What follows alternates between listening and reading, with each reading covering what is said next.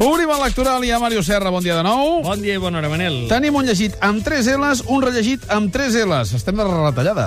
Es, bé, eh, estem amb L's eh, notable, això vol dir notable, eh? Notable alt, no sempre estem en l'excel·lent, Sí. però certament són bons llibres també. El primer, il·lustrat amb una cançó, com veuràs, eh, diguem, lenta en versió ràpida. L'home estàtic de Pau Riba, cantat, interpretat, versionat per Sabor de Gràcia i Gertrudis. Sí, senyor. Aquesta, aquest ritme rumber em va bé per il·lustrar un llibre que es diu Corre, Miquel, que no t'agafin, d'en Biel Garriga. Això està editat a Moll, l'editorial mallorquina de Moll, i és un llibre testimoni. A veure, eh, és un llibre que a mi m'ha emocionat especialment per les meves pròpies vivències amb mon fill en el seu moment, però és el testimoni d'un xaval, d'en Miquel, que arriba adoptat a, a la illa de Menorca i aviat els seus pares descobreixen que pateix una distròfia muscular severa. Eh, és a dir, de mica en mica va perdent mobilitat i ha d'anar en cadira de rodes.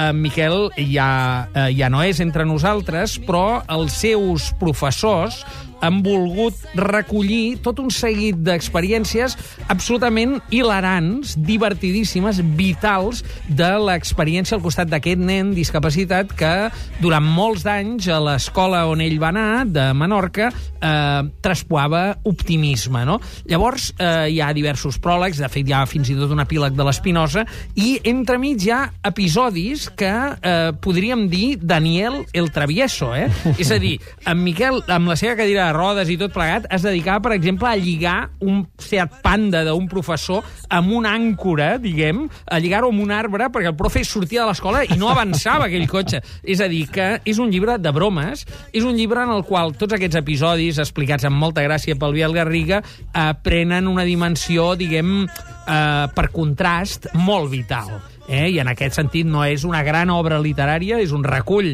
de pàgines viscudes, Però, diguem. escolta'm, la vida, però té la vida entre tapes ens interessa sempre, eh? Moltíssim, i per tant aquí hi ha molt de, molt de, viva, eh, molt de vida. Hi ha un eh, subtítol que ho explica tot, diu una vivència escolar d'amor i humor. Eh, certament l'àmbit eh, de treball és l'escola i l'àmbit de relació. Un llibre molt recomanable, doncs. Corre, Miquel, que no t'agafin, del Biel Garriga, editat per la editorial Moll. Mots clau. Joia, vertigen també, però sobretot escola, educació, testimoni i per posar, he parlat abans del, de l'Espinosa, per posar un cas que molts dels nostres oients recordaran, l'Albert Casals, aquest noi que anava amb el cabell de color blau, ara em sembla que ja se li ha esclarissat una mica, que també va fent els llibres i que va per la vida amb una castanya impressionant. Aquest és el mateix to que trobem rere Corre, Miquel, que no t'agafi. They'll all come to meet me, arms reaching. Tom Jones, que actuarà aquest estiu a Las Vegas, ens il·lustra avui... un clàssic per il·lustrar un altre clàssic, un Chesterton, Cómo escribir relatos policíacos, eh, d'en Chesterton, una traducció de l'anglès a l'espanyol de Miguel Temprano. Això ho recull Acantilado. A veure, aquí, eh, això és un llibre d'editor. Eh? És una boníssima, eh, diguem, opció que recopila tots els textos que el Chesterton va escriure sobre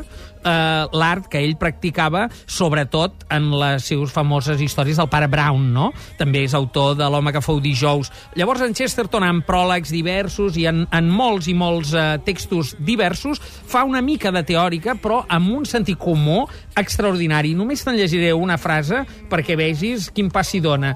Eh, errores de las novelas de detectives, i comença així, diu, es un hecho bien conocido que la gente que jamás ha tenido éxito en nada termina escribiendo libros sobre cómo tener éxito. Eh, és a dir, aquest se'n fot del mort i d'aquí el vetlla.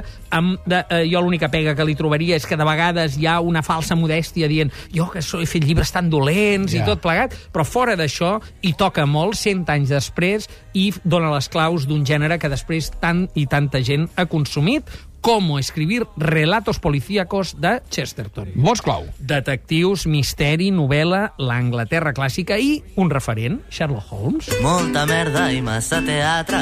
Érem tu i jo i ara en som quatre i pam, hem vist passar tot el que no havíem d'agafar. La pegatina canta. Sí, senyor, molta merda i massa teatre per il·lustrar un llibre que es diu així, tan escatològicament com Molta merda, un llibre de Carmen Álvarez i Josep Maria Calvet, publicat per La Torratxa. Això és una edició molt circunscrita a la, a la vila de Valls, però jo crec que mereix, val la pena, diguem, que ultrapassi aquest àmbit comarcal. Això és un recull de frases fetes eh, tr- trobant-ne l'etimologia, l'origen, com aquesta molta merda, que té un origen historiat, diguem, en l'àmbit del teatre, que com més èxit tenien, més carros hi havia, i per tant, els teatres anglesos, i per tant, més merda s'acumulava, eh, diguem, dels cavalls, però també plorar com una Magdalena, eh, treure el Sant Cristo gros, perdre l'Oremus, quedar-se a la lluna de València, tenir el peix al cova, tot un seguit de frases il·lustrades i explicades. Eh, un llibre així jo crec que mereixeria una edició amb una difusió més àmplia i mm,